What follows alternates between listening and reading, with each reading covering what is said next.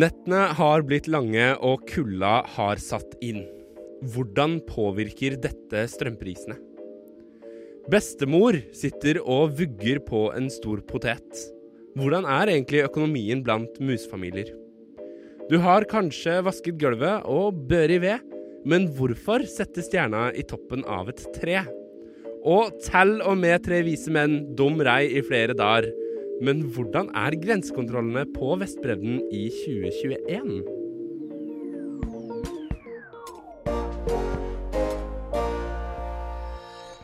God fredag morgen, min venn, og hjertelig velkommen til Opplysningen 99,3, Radio Novas samfunns- og aktualitetsmagasin, hvor du også skal få fem kalendergaver fra uka som har gått. Mitt navn det er Sander Sakaria, og i julestrømpa, egentlig litt lenger unna meg enn det jeg vanligvis liker, sitter du, Sebastian Hagel. Jo, god jul og god morgen til deg, eller god kveld er det jo nå, Sander, for vi må vel avsløre at dette er tatt opp eh, tidligere i uka. Det er faktisk tatt opp eh, såpass tidlig i uka som mandag eh, 6. desember. Men der du sitter, kjære lytter, der er det fredag 10. desember. Og du merker kanskje at dagens åpning er alt annet enn ordinær. Og det er jo litt rart egentlig at vi sitter her på en mandag og skal sitte og snakke om hva som har skjedd denne uka. Men det er rett og slett fordi at denne ukens sendinger er det vi vil kalle ja, ekstraordinær. For mens vi sitter her og skal lede denne ukens sending, driver resten av redaksjonen vår og hastekjøper julegaver og skriver ferdig konklusjonen på sine eksamensoppgaver. Derfor skal vi istedenfor å ta den gamle regla gi deg noen glimt fra sesongen som har gått, Sebastian. Ja, og da er det jo samme når i uka vi tar det opp, egentlig, for da kan vi like godt gjøre det på mandag, som er mest da komfortabelt for oss denne uka her. Men uh, det blir nok like bra for du er deg som lytter, uansett. Vi må jo også bare påpeke det åpenbare faktum i dette, for nå går vi inn i det vi liker å kalle den tompraten helt på starten av sendinga, som liksom bare er oss som prøver å desperat fylle tid. Absolutt. At du sitter altså i dag på den andre siden av et glass. Vi sitter i et helt annet studio, og jeg kan ikke sitte og klå deg i ansiktet og kaste vann på deg. Nei, ikke sånn. sant? Og det er veldig komfortabelt for meg for en gangs skyld. Å sitte her og ha sending med deg, det var jo noe nytt. Mens jeg føler meg både ensom, trist og alene her ute på sida. Ja. Vi skal som sagt gi deg eh, noe av det vi har sendt i løpet av eh, årets eh, sesong. Vi rekker ikke alt, for da måtte vi hatt eh, hele sesongen en gang til over jula. Du, du skjønner sjøl at det går ikke. Det blir bare tull. Så vi, tar, vi, har, vi har tatt et lite utvalg av noen saker som både er fra forskjellige tider på semesteret. Og, og dekker av, forskjellige temaer. Ja, og alt er gjennomført av forskjellige folk fra redaksjonen vår. Så det er fint og, og godt. Ja, og øh, noe annet vi også skal ha, er selvfølgelig litt øh, musikk. Eh, Radio Nova har ikke så mye julemusikk, men vi har denne. X-Mass av uh, Floaty Burger Girl. Filthy Burger Girl var det med låta X-Mass her i Opplysningens julekavalkade på ja, Radio Nova. God dag og god fredag. Hjertelig god fredag morgen. God morgen, god morgen, god morgen og god morgen. God morgen og velkommen til Opplysningen, Radio Nova sitt samfunns- og aktualitetsmagasin. Med Opplysningen 99,3 på øret, ja, da blir det en god fredagsmorgen. Opplysningen 99,3 hver fredag fra 10 til 11 på Radio Nova. Morgenen er i hvert fall etablert uh, i vårt uh, radiostudio, Sebastian. Ja, det er den. Altså, det er jo morgen. Det er uh, lytterne her, iallfall. Ja, altså At vi sitter her klokka halv ni på kvelden, det trenger jo egentlig ingen å vite. Nei, altså, det var egentlig litt dumt at jeg nevnte det nå. Vi er bare tolv timer feil, så Eller mer. Så det får gå greit. Ja, Vi er ei uke på forskudd, altså. Men vi skal jo da, som du, både du og jeg og vi og to seilte i en tresko, eh, snakke om eh, noe av det Altså rett og slett noe av det som har skjedd i løpet av året. Og vi begynner i Russland, Sebastian. Vi begynner i Russland for at uh, våre reportere Benjamin Nordtømme og Helena Skrøder uh, tok tak i rettene tidligere i år, da det var valg i Russland. Så tok de og diskuterte dette. Og som valget i Russland pleier å gå, så gikk det jo i Vladimir Putins eh, retning nok en gang. Det er litt sånn fascinerende hvordan han får det til hvert år. Jeg synes liksom han er veldig god med Altså han er veldig god til å snakke rett til folket da, når han vinner hvert år.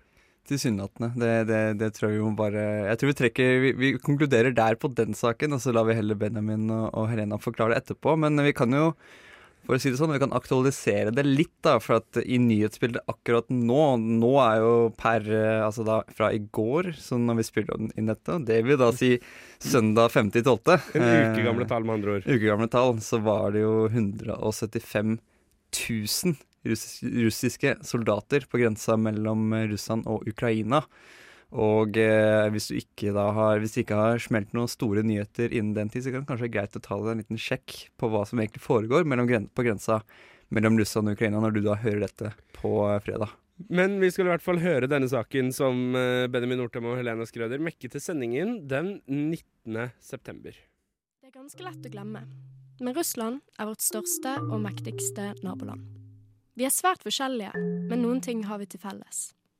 I begge land er det borgerne som utpeker statsleder. Slik er det i alle fall på papiret. Etter store protester tidligere i år ble det spådd en intens politisk høst i Russland. Siden mandag har folk i alle verdens hjørner forsøkt å tolke det rikende ferske valgresultatet. Hva skjedde egentlig da russerne gikk til valglokalene? Det er mange de som tolker valget utenfra. Og for dem er det kanskje viktigere å stille spørsmålet hva var det som ikke skjedde? Vel, Putin er fremdeles Russlands autoritære president. Men både blant yngre russere og folk i de store byene har Putin aldri vært mer upopulær. Levada Senter forsker på denne misnøyen og viser at motstanden har hatt en voldsomt stigende kurs de siste årene. Rundt 37% av Russlands befolkning mener han ikke lenger egner seg som president. Men et politisk paradigmeskifte er en nokså uoppnåelig drøm. I Russland er det lav valgdeltagelse, og denne gangen var det kun halvparten av de med stemmerett som faktisk brukte den. Russiske parlamentsvalg er ofte svært skitne. Opposisjonen i Russland utsettes for kraftig sensur og motarbeides med jernhånd fra myndighetene. Dette gjør at bevegelsen mot Putin og hans parti Forente Russland er svært fragmentert. På den ene siden har vi den systemiske opposisjonen. Et lite knippe lovlige partier som er registrert ved valgene, og som deltar i det russiske parlamentet. Men litt mer nyansert er det. Disse andre partiene er i virkeligheten ikke så kritiske eller hardhendte med Putins parti. Helt utenfor disse finner vi den ulovliggjorte opposisjonen. Deres lederhåp, Aleksej Navalnyj, har sittet i fengsel på tvilsomt grunnlag siden han kom tilbake fra medisinsk behandling i Tyskland etter et mislykket attentat med nervegiften Novichok. Navalnyj og hans team lanserte før valget en app de kalte Umnaya Galasevanya, Smart Voting. Strategien er å utnytte valgsystemet ved hjelp av noen smarte algoritmer. I distriktene der kandidatene fra Putins parti sliter med å få flertall, skulle opposisjonen samles bak én felles kandidat fra de andre lovlige partiene. Kommunister, ytre høyre-kandidater, sosialdemokrater, liberale ingen forskjell. Dette vitner om en nokså radikal misnøye. Opposisjonen legger lite vekt på enkeltsaker eller ideologisk ståsted, men mest av alt å danke ut Putins kandidater. Og hvordan har det gått? I ni av Moskvas 15 distrikter så det ut som strategien hadde funket. Til tross for at Putins administrasjon fikk slettet den såkalt ekstreme smart voting-appen med litt hjelp fra Apple og Google, mistet Putins parti ni av sine kandidater fra hovedstaden. Men søndag kveld skjedde noe litt mystisk helt på tampen. Da de elektroniske forhåndsstemmene skulle telles opp, mistet plutselig opposisjonen alle sine kandidater som lå an til å vinne. Novaja Gazeta, en av Russlands siste gjenværende frie aviser, skriver om Moskva-hendelsen som nokså åpenbart valgfusk. Prisen for å drive opposisjon er svært dyr. Tidligere i vår ble Navalnyjs team stemplet som ekstremister av myndighetene og havnet på Russlands liste over terrororganisasjoner sammen med IS og Al Qaida. Dette mener Putins tilhengere er helt nødvendig. På mandag takket Putin velgerne og sa at Forent Russland var det ledende partiet. Men er det mange russere som fortsatt stemmer på Putin og mener han er den beste lederen? Putin er fortsatt populær blant mange russere, ettersom de mener han er en sterk leder som står opp mot Vesten og gjenoppretter nasjonal stolthet. Blant annet for offentlig ansatte i Russland møter man sterke sanksjoner hvis man ikke stemmer. Fordi Putins parti har absolutt to tredjedels majoritet i parlamentet, kan de skrive om på grunnloven som de ønsker. Dette tillater at de kan innføre svært strenge lover som knebler opposisjonen. Og slik har de også fjernet grensen for hvor lenge presidenten kan bli sittende med makten. Men kanskje er det likevel, om ikke håp, i alle fall en viktig endring som følge av valget. Det russiske kommunistpartiet har til sigende gjort et bra valg, med nesten 19% av stemmene. Som en av de siste gjenværende arvingene etter Sovjetunionen er det russiske kommunistpartiet et interessant nok fenomen i seg selv. De er en del av den systemiske opposisjonen i landet. Men en rekke yngre kandidater fra dette partiet er mer kritiske til regimet enn før. Mange som stemte på kommunistpartiet i år, sier de var ufornøyde med Putins håndtering av covid-19. Og vel så viktig ble det drevet fram til valglokalene av Smart Voting-appen. Det tyder på at begge deler av opposisjonen går inn for å øke sin aktive deltakelse i politikken, enda systemet er urettferdig og udemokratisk. Valgdeltagelsen varierer enormt fra provins til provins. I republikken Tsjetsjenia stemte 94% av innbyggerne, og Putins parti fikk der hele 96,13% oppslutning. I mer utadvendte, vestlig orienterte deler av landet er bildet helt annerledes. I St. Petersburg var det bare 37% som i det hele tatt dro til valglokalene. Det er helt tydelig at det finnes masse motstand internt i Russland. For opposisjonen blir utfordringen nå fremover å mobilisere sine egne velgere for å svekke Putins maktfundament. I et ellers dysfunksjonelt demokrati finnes det fortsatt håp om å kanskje en dag sende Russland i en helt annen kurs. Det var reportere Helena Skrøder og eh, Benjamin Norte med det, som fortalte oss litt om det russiske valget da det nettopp hadde pågått fra da sendinga 13. september. Vi skal straks videre her i Opplysningen 99,3, men før det skal vi få litt musikk. Dette er Langva, og låta heter Call Me.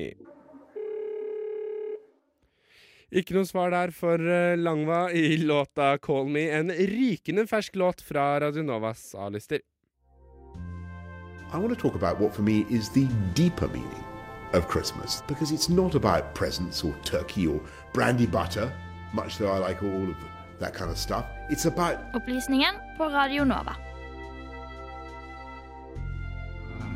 Ja, Sebastian, det er vi som er den ekte meningen eh, bak jul. Hilsen Boris Johnson. Ja, for fy fader, tenk å være bedre enn Brandy Butter, da.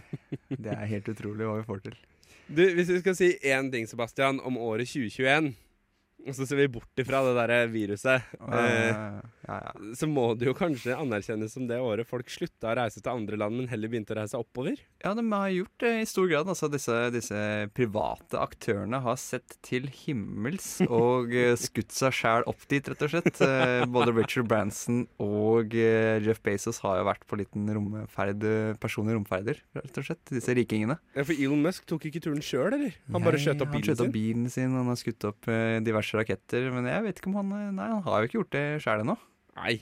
Det er jo skuffende, da, i så fall. Ja, det er jo bare sikkert et spørsmål om tid. Da. Den mannen uh, slutter jo ikke å finne på ablegøyer, så det er bare å vente og se. Nå uh, er det jo nyheter også, Anders Ser du drar av partikkelen der? Du, skal, du skulle liksom ikke røpe det på lufta, da. Jo, men nå er det røpt, så da får du bare, får du bare ta det derfra. Men uh, altså, det er jo ikke bare kommersielle selskaper som får skyte sine raketter ut i verdensrommet. NASA støtter jo nå også bygning av kommersielle romstasjoner. Og gir da støtte til tre selskaper som skal bygge kommersielle romstasjoner. Blant dem Jeff Bezos Blue Origin. Så da blir det Amazon i verdensrommet. Perfekt. Jeg har hørt deg snakke om sånn å bygge sånne Amazon-byer også, faktisk. Og nå, skal man bygge Amazon eller Blue Origin, da, for å være spesifikk. Men det er jo det er jo en del av det større kollektivet hans, denne Jeff Bezos. eh, Så han skal, skal, han skal ta til himmelen rett og slett da, og bygge, bygge det han ønsker å bygge. Romstasjon, trolig, eh, der oppe. Men skal vi på et sett ta det tilbake igjen hit til jorda, da, til saken som gikk på vår eter den 15. oktober? Mhm, det kan vi godt gjøre. Det er jo eh, min sak, faktisk. Så din sak. Det er min sak. Den, For nyte. eh, får vi nyte igjen. Det er jo da jeg, Sebastian Hagel, som er reporter. Jeg introduserer min egen sak her. Føles veldig rart. Eller vil du ta ordet, Sander? Nei, jeg bare lar den gå, jeg.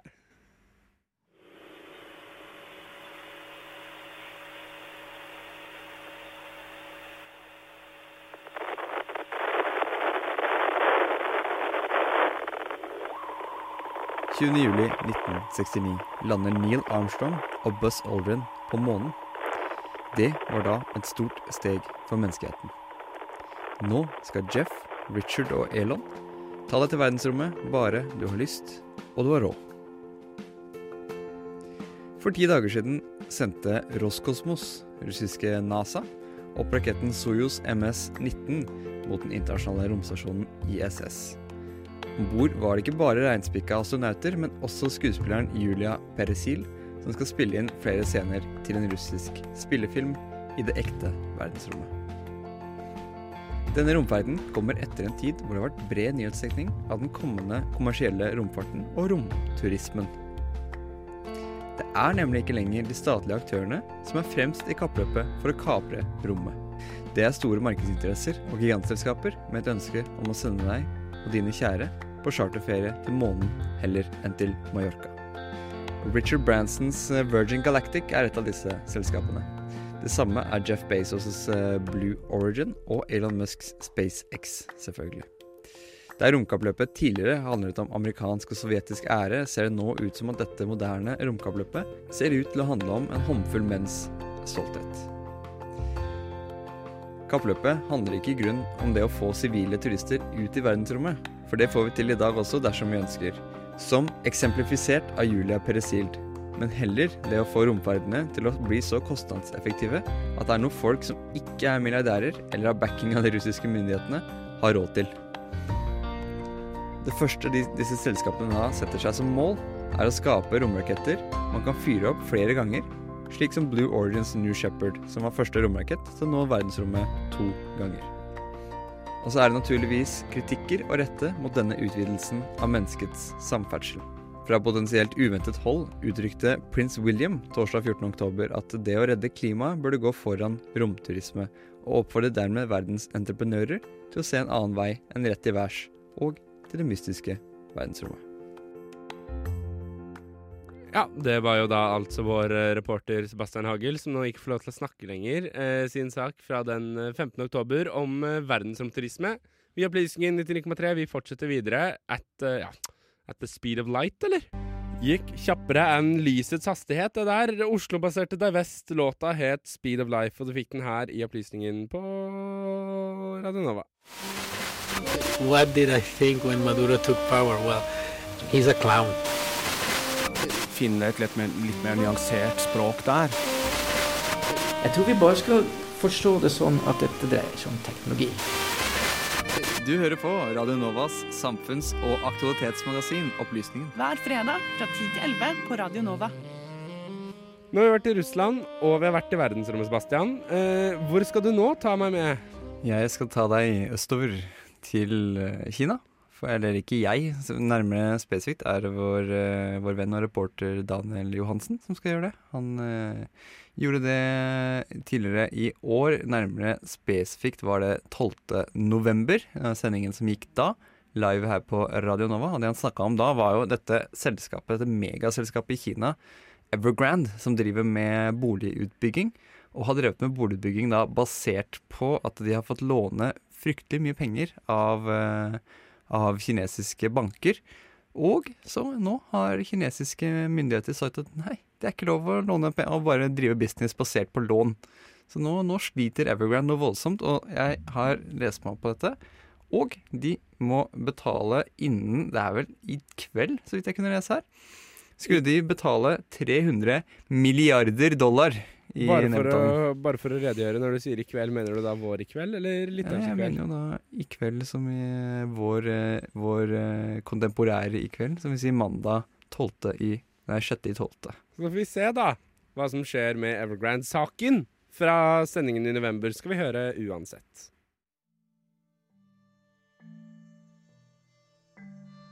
I Kina er fargen rød stort sett forbundet med kommunisme, velstand og stolthet.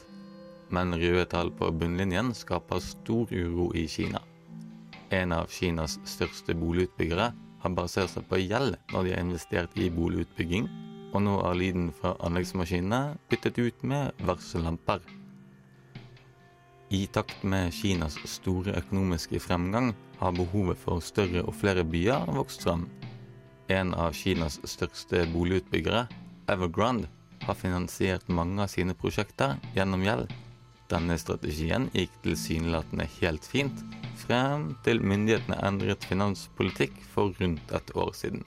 Myndighetene mente markedsøkonomien var i ferd med å løpe løpsk, og Xi Jinping strammet grepet. I 2020 valgte nemlig kommunistpartiet å begrense hvor mye penger utbyggere fikk lov å låne for å finansiere byggeprosjektene sine.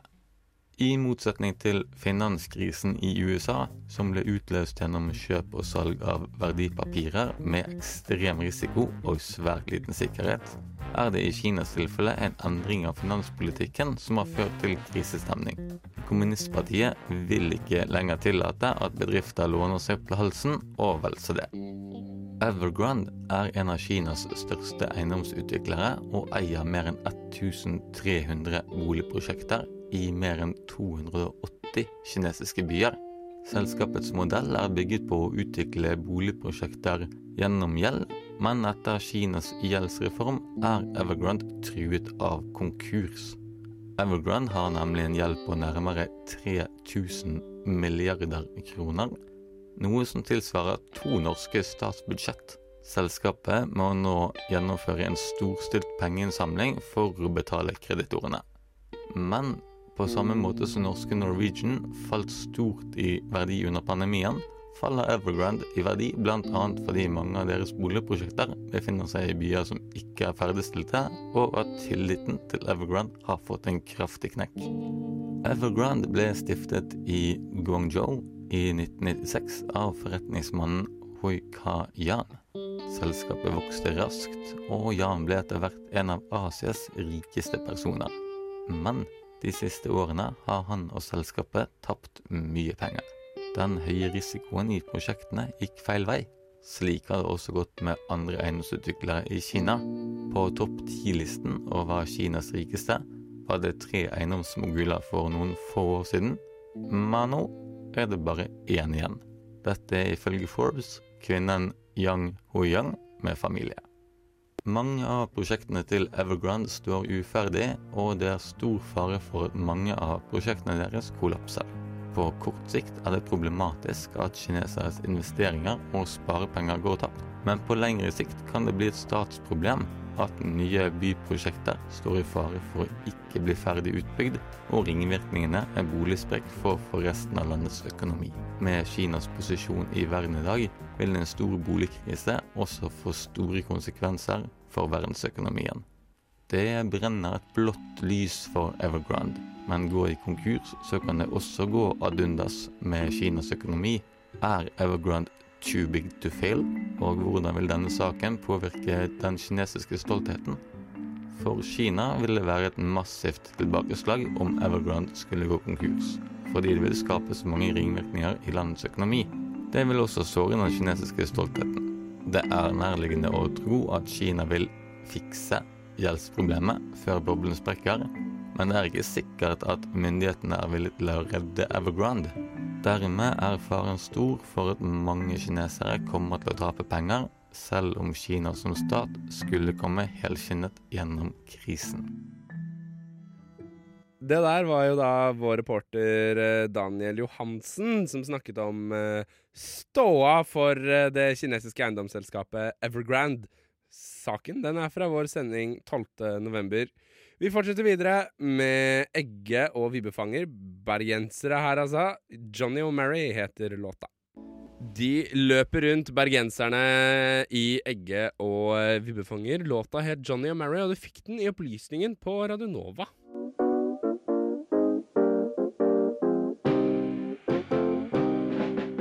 På Radio Novas samfunns- og aktualitetsmagasin Opplysningen. Hver fredag fra klokken 10 til 11 på Radio Nova. Opplysningen på Radio Nova. Det er helt riktig, det. Altså, det burde være ganske klart for deg hvilket program du hører på, uavhengig av når det blir tatt opp. Sebastian, så fine klær du har. Takk. Eh, like måte. Veldig fin julegenser du har på deg i dag, Sander. Takk. Det var noen som sendte ut en melding om at det skulle gå med julegenser, og så var det noen som valgte ikke svare. Um, Det er eh, sånn det var, og sånn har det vært noen uker nå. Det snakket, vi har hatt flere arrangementer der det har vært påbud om julegenser. Og du har kommet til julegenser, og jeg har dukket opp eh, som jeg gjør. det er litt typisk deg, da. Men ja. jeg vet ikke helt Altså, en av de virkelig store norske debattene, da, eller la oss si en av de sakene som skapte mest furore på internett uh, dette året, det var jo saken om at uh, bunaden ble kåret av EU til en sånn klimaversting. Da gikk det rett for et par folk uh, ulike steder i Norge.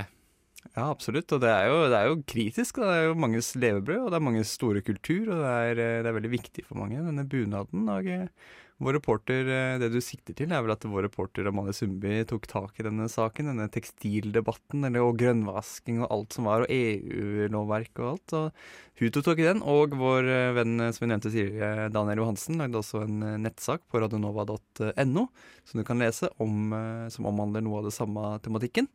Men uh, i og med at det nå blir for dumt at vi skal sitte her og lese nettsak høyt for alle lyttere, Hæ? Skal vi ikke ha høytlesning? så tenker jeg kanskje at vi heller bare tar og hører låta til Amalie Sundby fra uh, fredag den 19. november.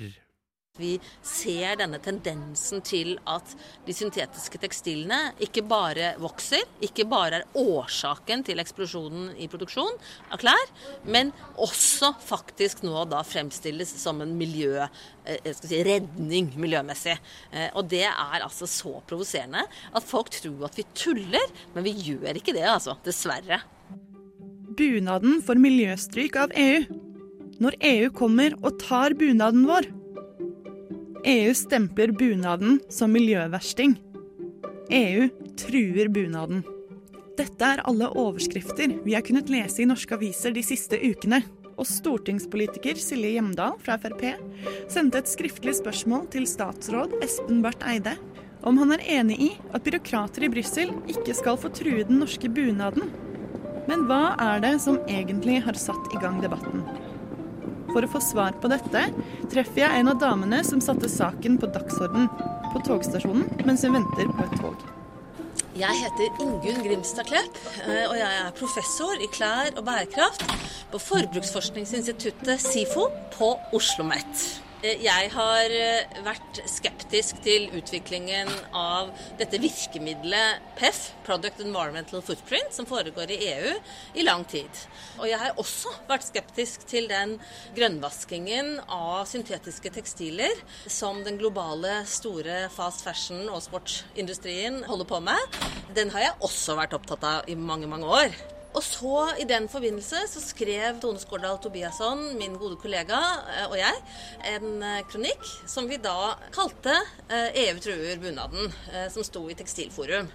Og vi valgte jo den overskriften for å få oppmerksomhet mot en sak som vi virkelig mener er viktig og, og, som truer ikke bare bunaden, men som truer alle gode klær av naturmaterialer. Og ikke bare i Norge, men ikke bare i EU heller, eller Europa, men faktisk globalt. Eh, så derfor så var det viktig å rope ulv, eller altså da bunad. Og det er gledelig at vi har fått til en debatt, og at mange andre stemmer er, er, inne i debatten. I dag var jo eh, Naturvernforbundet og Fremtiden i våre hender med en oppfølger i DN. Og vi har mange som stemmer i og sier ja, dette her må vi få en slutt på. Teksten til Klepp og Tobiasson handler altså om PEF, eller Product Environmental Footprint, som er en planlagt merkeordning for klær. PEF er en del av EU sin strategi for bærekraftige tekstiler det er ikke bestemt om ordningen skal være obligatorisk eller frivillig, men hensikten er iallfall at vi som forbrukere skal kunne ta mer bærekraftige valg når det gjelder kjøp av klær og sko. Når vi går i butikken, så skal vi kunne lese ut fra plaggets merkelapp hvordan det måler seg klimamessig sammenlignet med et gjennomsnittlig tilsvarende plagg. Eh, men saken er den at tekstiler er ganske komplekse produkter, og det er få som har kunnskap om det. Eh, og den globale industrien her har jobbet ganske lenge med å produsere det de da oppfatter som eh, kunnskap, men som jo da er, er skal vi si, fake news, spør du meg. De har laget systemer for sammenligning av fiber, bl.a. noe som heter HIG-indeks, som er det mest brukte verktøyet for å sammenligne miljøbelastninger fra klær. HIG-indeksen også kjent som Hig Material Sustainability Index, HIG MSI, har tidligere blitt kritisert for å favorisere syntetiske stoffer foran naturmaterialer når det kommer til bærekraft og miljøvennlighet. Årsaken til denne favoriseringen er at de måler bærekraften basert på global oppvarming, næringsforurensning av vann, vannforbruk, bruk av fossil energi og bruk av kjemikalier. Motstandere av systemet har bl.a. pekt på at denne indeksen ikke tar i betraktning at syntetiske fibre sprer mikroplast både ved bruk og vask. Så Det er det ene. Og det andre er at heller ikke levetid eh, altså hvor lenge og mye klær brukes, heller ikke det har blitt ordentlig behandlet. Eh, Der har de falt ned på en måte å måle det på som de tar utgangspunkt i styrke. Og styrke er jo vel og bra hvis du har to T-skjorter og, begge eh, i bomull f.eks., og den ene er sterkere enn den andre, så er det sjanse for at den som er sterkest, blir, blir brukt lengst. Men når du sammenligner produkter av ulike fiber, så vinner altså de syntetiske på styrke. Og dette vet vi jo da eh, fra før, samtidig som vi vet at de syntetiske klærne ikke varer lenger i folks bruk. I kampen mot en feilslått miljømerking av klær har flere organisasjoner, her er det verdt å nevne at en del av disse er ullprodusenter, gått sammen om kampanjen Make the label count. I kampanjen ber de om at PEF også må ta med faktorer som mikroplast, fornybarhet, varighet og vedlikehold i sine regnestykker. EU opplyser til faktisk.no at det er for tidlig å svare på om HIG-MSI-indeksen skal ligge til grunn for merkeordningen. Men på HIG MSI sine egne nettsider opplyser de om at det i dag ikke finnes metoder for å måle en del av disse faktorene. Professoren mener altså at de beste klærne er de klærne vi er glad i, tar vare på og bruker lenge. Er ikke den norske bunaden nettopp et eksempel på dette? På systua på Heimen Husfliden i Arbeidergata er det travelt før jul. Eh, akkurat nå for tiden, eh, sånn på senhøsten, så er det veldig mye omsøm det går i. Da er det jo bunader som folk har arva, eller at man har endra litt kroppsfasong, så man må sy det ut.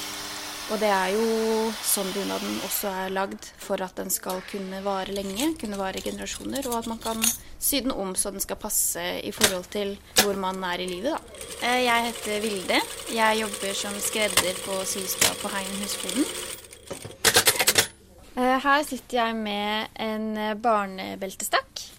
Og den er sydd på en sånn måte at den kan man ha fra man er bare en fire-fem år til man er kanskje opp til eh, 14 års alder. Norges husflidlag ble stiftet i 1910 og er akkreditert som rådgivende organ for Unesco. Den lange fartstiden har gjort at de til og med har hemmelige oppskrifter som de ikke vil dele med nysgjerrige journalister. Eh, Jeg heter eh, Ane Marte Wold. Per i dag så er jeg fungerende produksjonsleder på Heimen Huslyden i produksjonen. Vi er ganske sikre på at vi hadde en uh, forkle, i hvert fall, på en uh, rødtrøyebunad, som er forløperen til beltestakk fra Øst-Telemark. Og den bunaden er jo anslått at at gikk ut av bruk, at beltestakken tok over pga. motpreget rundt 1870. Det forkleet var i overraskende god stand. Du kunne på en måte ikke tippe at det var 150 år gammelt. Eh, Jeg tror at for det første så er det jo vakkert å se på. Og så tror jeg det har noe med hvordan bunaden står på en måte i kulturarven. da. Det er jo noe man har vært stolt over. Det har antageligvis vært det flotteste forkleet i den familien i alle de årene. Og så har de jo vært heldige. Det har vært en familie som har ønska å tatt vare på det, og kunne tatt vare på det. Det blir jo noe helt eget når du går med en arvebunad fra det, en motsetning til å kjøpe seg en selskapskjole på butikken. Det er ikke klart hva som kommer til å skje med PEF-ordningen i fremtiden. En ting som likevel er klart, er at bunaden ikke blir borte med det første. I starten av dette innslaget fikk vi høre at Silje Hjemdal spurte om vi skulle la byråkrater i Brussel true den norske bunaden. Statsråd Espen Barth Eide svarer følgende. PEF-metoden vil ikke bestemme om noen klær er lovlige eller forbudt, og vil ikke medføre noe forbud mot bunader eller andre spesifikke plagg. Reporter i denne saken Skal bare passe på så jeg sier ordentlig denne gangen. Det var Amalie Sundby og låta Saken Nei, ja, nei, å, hei, oi, er fort de svingene i dag. Saken den gikk på lufta den eh, 19. november. Vi skal til Sverige. Der har de ikke bunad, men de har uh, Riga Tiger, som har låta Hey Do Macken. Svenske toner der fra eh, Riga Tiger. Det var uh, Hey Do Macken i opplysningen på Radio Nova. Du lytter til Radio Novas samfunns- og aktualitetsmagasin Opplysningen. Opplysningen hver fredag mellom klokken 10 og 11 på Radio Nova.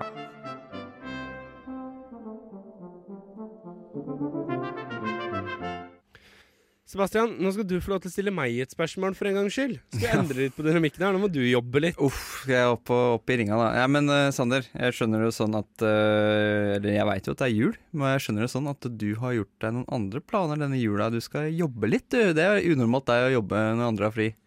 Uh, noen vil kanskje hevde det, andre vil kanskje hevde noe annet. Nei, altså Fordi at for et par uker siden så sendte vi jo en sak om eh, 1488. eh, da basert på uh, Brenton Tarrant, som hadde skrevet dette på våpenet hans. Hvem er uh, Brenton Tarrant, bare for å ta det fort, eh, Sander? Han gjennomførte terrorangrepene mot to moskeer på New Zealand eh, i eh, 2019. Mm, Christchurch-skyteren. Altså. Helt riktig. Og det som, det som interesserte meg så veldig med Brenton Tarrant, var det at alle våpnene hans, og magasinene også, for den saks skyld, var tagga ned med hvit skrift på disse sorte våpnene, hvor han gjorde mange referanser til ulike personer og hendelser gjennom, eh, gjennom hele verdenshistorien.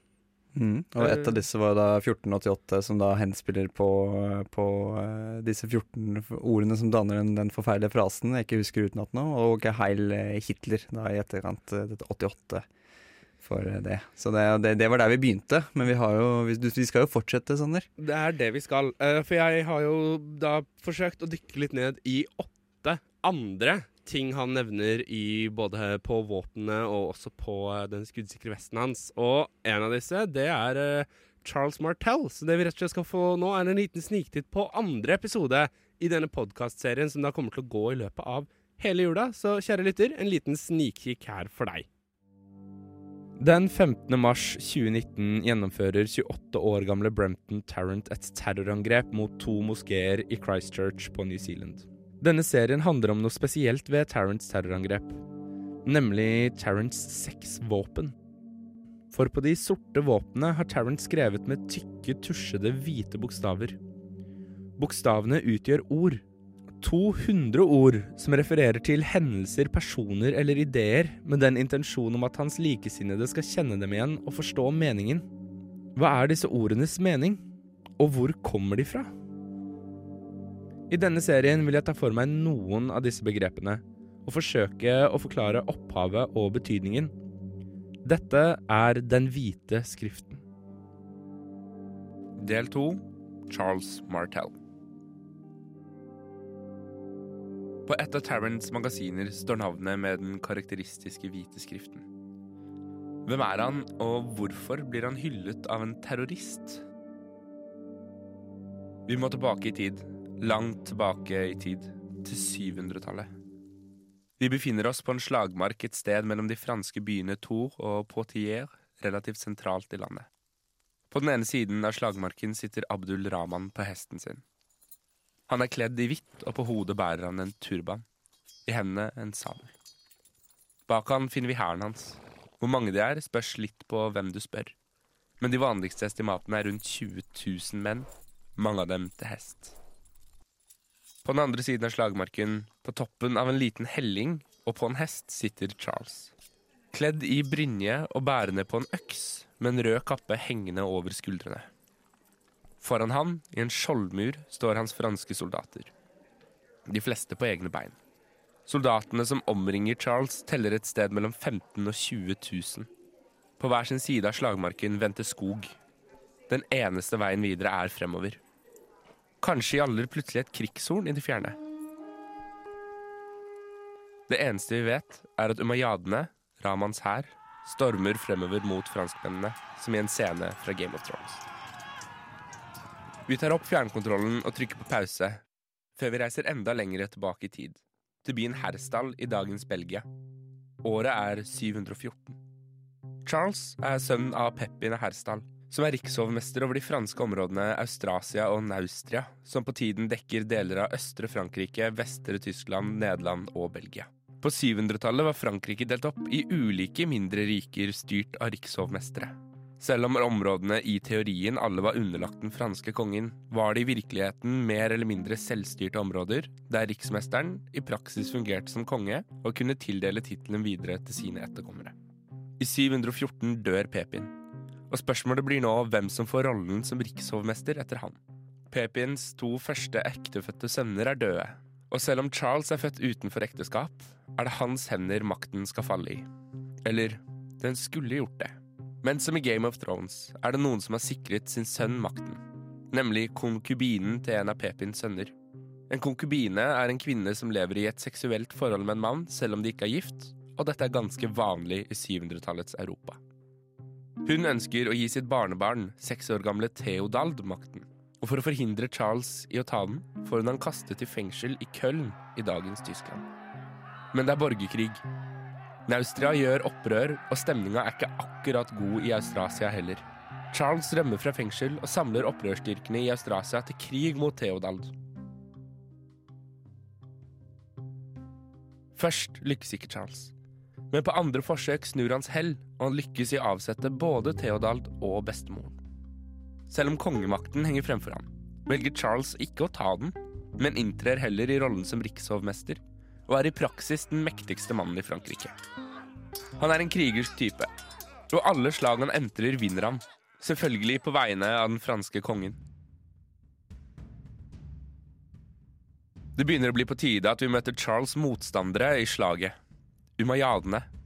De var et muslimsk dynasti som på denne tiden hersket over store deler av den muslimske verden, og som på slutten av 600-tallet lykkes i å erobre store deler av den iberske halvøy. Umayyadenes styrke er bygget opp på en måte som gjør dem avhengig av krigsbytte. Og for å finne det må de krysse Pyreneene og bevege seg nordover til Frankrike og stedet Charles herjer. Vi er tilbake på slagmarken og trykker play idet umayyadene stormer mot den franske skjoldveggen. Det er en hard kamp som varer i en uke. På 700-tallet var krigene veldig annerledes fra det de er i dag. Mens man i dag, når man kjemper en krig, gjerne kjemper både dag og natt, kunne de på 700-tallet gi seg når kvelden kom krypende, og begynne slaget igjen dagen etter.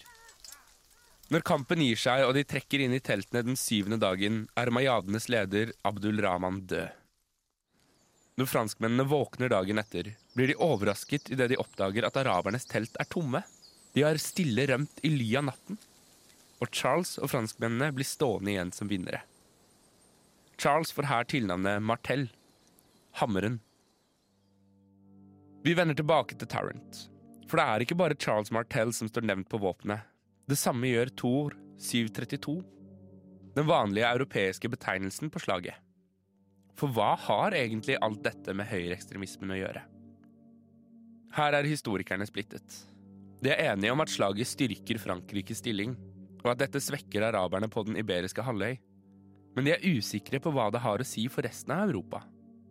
Noen historikere mener at slaget har liten betydning, og at det eneste araberne var ute etter, var krigsbytte. Men noen mener det har alt å si for kristendommens stilling i Europa. Den britiske historikeren Edward Gibbon går så langt som å hevde at dersom det ikke hadde vært for dette slaget, perhaps the interpretation of the Koran would now be taught in the schools of Oxford and her pulpits might demonstrate to a circumcised people the sanctity and truth of the revelation of Muhammad. Og vi får tro at Tarrant er en av disse. At når han skriver disse ordene på sine våpen, er det en referanse til slaget som sikret kristen dominans i Europa. Eller kanskje han heller ville sagt slaget som forhindret muslimene. Det samme han ønsket å gjøre idet han angrep moskeene på New Zealand. Der, Sebastian, der fikk du rett og slett en liten smakebit der på uh, del to i uh, serien Den hvite skriften, uh, som altså kommer på din foretrukne podkastplattform gjennom hele jula. Mm. Og jeg tror jeg kan si på vegne av både meg og lytterne at takk skal du ha, for det var, det var en fin smakebit, det. Altså, det var ikke dumt. Det er uh, utrolig, utrolig mye interessant. Uh, og jeg kan, uh, jeg kan, si såpass som at slaget i Tor i 7, 732, det er langt ifra det siste vi får høre fra umayadene og maurerne, som på en tid virkelig truet altså, kristendommens stilling i Europa, skal man tro enkelte historikere. Ja, interessant. Men da er det bare å glede seg og benke seg innenfor, uh, utover, eller uh, foran uh, podkastapparatet ditt, for å si det på en litt rar måte. Uh, og lytte til Den hvite skriften da i hele jul. Hvis du skal ha noe uhyggelig da i en hyggelig tid. Det kan jo være greit, da. Et lite avbrudd fra Mikkes Julie Andeby og Polarekspressen, dette her. Um, men Sebastian, vi, vi vi er ved veis ende, altså. Ja, vi har jo nådd uh, enden av vår uh, julekavalkade, kan vi si. Så det er vel uh, på tide å snart si god helg, for så vidt. Ja, og god jul, da. Ja, altså, da. Vi, er såpass, vi, er jo såpass, gode. Men det er jo ingen grunn til å slå av kanalen nå, for etter oss så kommer Studentnyhetene. Og de stiller spørsmålet ved hvorfor ikke studenter får støtte til å betale strømregninga i denne, i denne tiden. Vi får ikke økt uh, stipend, og vi får heller ikke dekket strømregninga. Så det er ganske Kommer til å smelle hardt på kanalen den neste timen. Mm. Bare å bli, med andre ord. Og så er det bare å, bare å ønske alle der ute, apropos studenter, ønske alle lykke til med alle eksamener som er på vei. Enten som har, har vært, eller som, eh, som eh, de skal ta hvert øyeblikk. Det vil jeg også si. Har du noen gode eksamener igjen, eller, Sebastian? Jeg eh, har ikke noen eksamener igjen. for å Si det sånn. Jeg har en god en, jeg, som ligger og venter på meg om et par dager.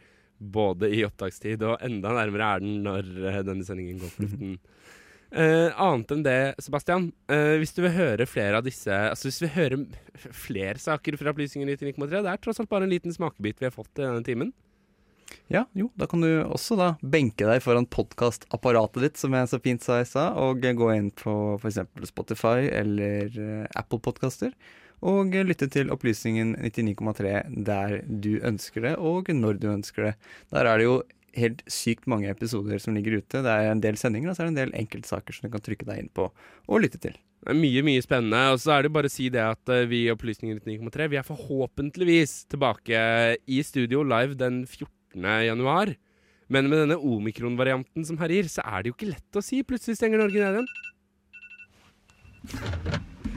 Og der er det noen som skulle stått opp. Jeg tror vi bare avslutter, jeg, Sebastian. Jeg tror vi bare rop, utbryter et god jul fra oss alle. God jul! God jul.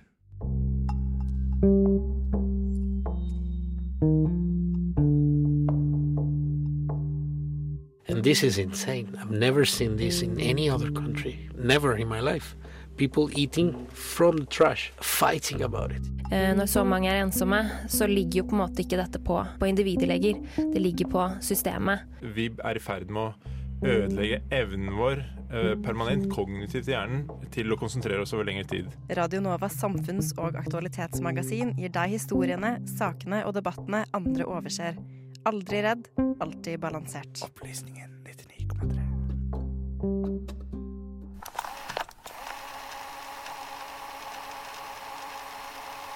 Ikke, Sander glemte å starte opptaket. Woo! Slutt å spille, da. Jeg har dratt ned spaken din, for faen. Nei, hva er det jeg driver Nei, faen, ass. Beklager, det blir ikke noe julekavalkade i år. Vi, klar, vi klarte ikke. Å starte åpningsfingeren. Sånn, faen, ass. Gi meg din jævla faen. OK, gi meg, gi meg, gi meg tid. Ja, ja. Ja, nå går ja. opptaket, eller? Gjør det ikke det? Jo. Greit, da prøver vi en gang til. Å, hei.